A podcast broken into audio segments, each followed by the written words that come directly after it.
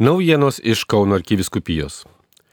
Į ką tik pasibaigusios maldos už krikščionių vienybę savaitės ekumeninį maldos sustikimą Kristaus prisikėlimo bazilikoje Kaune sausio 20-ąją atvyko arkivyskupas Kestutis Kievalas, Kauno Luteronų bažnyčios klebonas kunigas Saulis Juozaitis, Jungtinės metodistų bažnyčios kunigas Remigijus Matulaitis, stačiatikių apreiškimo mergeliai Marijai bažnyčios klebonas Nikolojus Murašovas.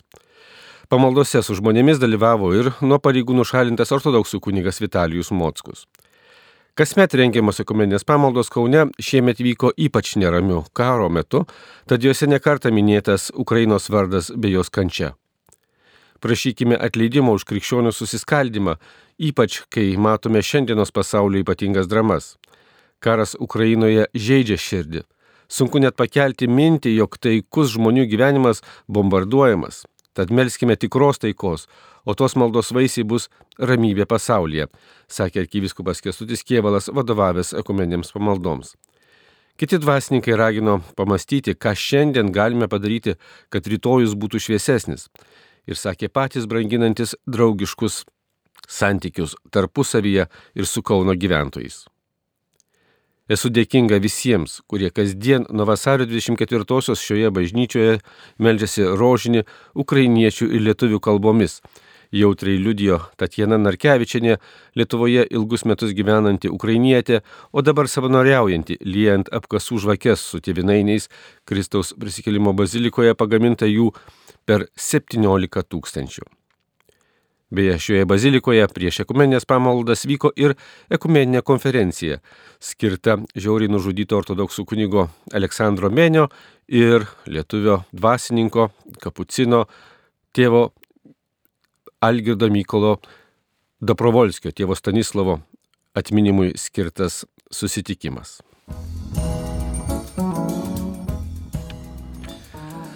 Sausio 24-ąją į Kauno arkiviskupijos Sielovados komandos posėdį draugės su arkiviskupu Kestučiu Kievalu susirinko pagrindinių arkiviskupijos Sielovados institucijų vadovai.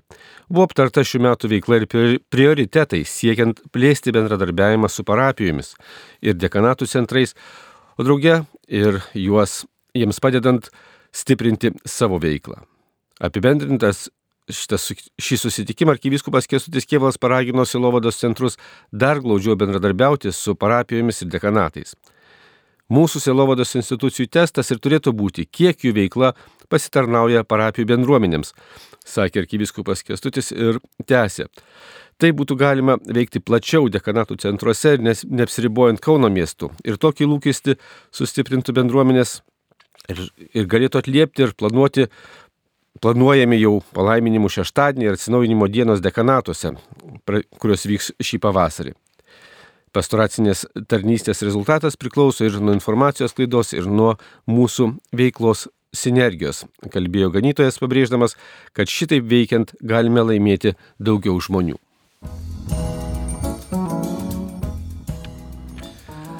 Ateinantį sekmadienį, sausio 29-ąją, Kauno švenčiausiosios trejybės arba seminarijos bažnyčioje bus paminėtas monsinjoro Pranciškaus Tamulevičiaus gimimo šimtmetis.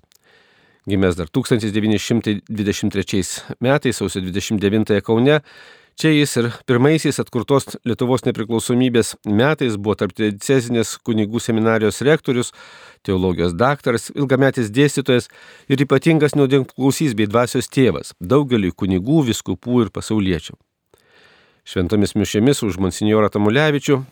Šį sekmanį 10 val. seminarijos bažnyčioje vadovaus Kauno arkivyskupas Kestutis Kievalas, o homilyje sakys kardinolas Sigitas Tamkevičius.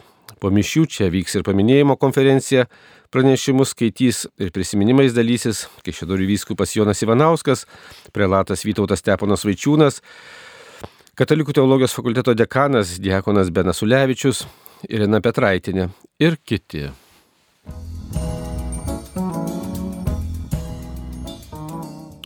Kauno arkiviskupijos jaunimo centras dalyjasi apie maldos ir gesmių vakarą sausio 19 dieną, kuriame katechezė sakė sesuo vienuolė Juozapa Žyvilė Mėliauskaitė.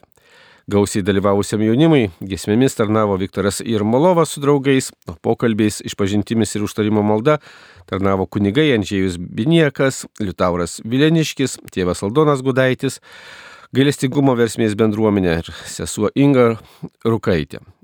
Jaunimą ir Kauno gyventojus arkiviskupijos jaunimo centras kvies į šventinį vakarą ir vasario 16. -ąją.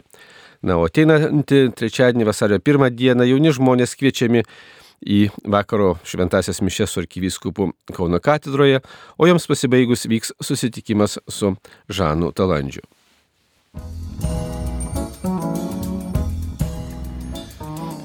Kita ketvirtadienį, vasario antrąją, švesime Kristaus paukojimą grabnyčias. Tai sikiu ir pašvestojo gyvenimo diena, kuomet dėkojame Dievui už vienuolinio gyvenimo dovaną. Ta vakarą iškilmės Kauno arkikatedroje prasidės 17 val. švenčiausio sakramento adoracija ir valandų liturgijos vakarinė malda. Melsis seseris ir broliai vienuoliai. 18 val. iškilminga Euharistija, kuriai vadovaus arkivyskupas Kesutis Kievalas, vyks procesija su žvakėmis ir gėdos vienuolių choras. Visi maloniai kviečiami dalyvauti.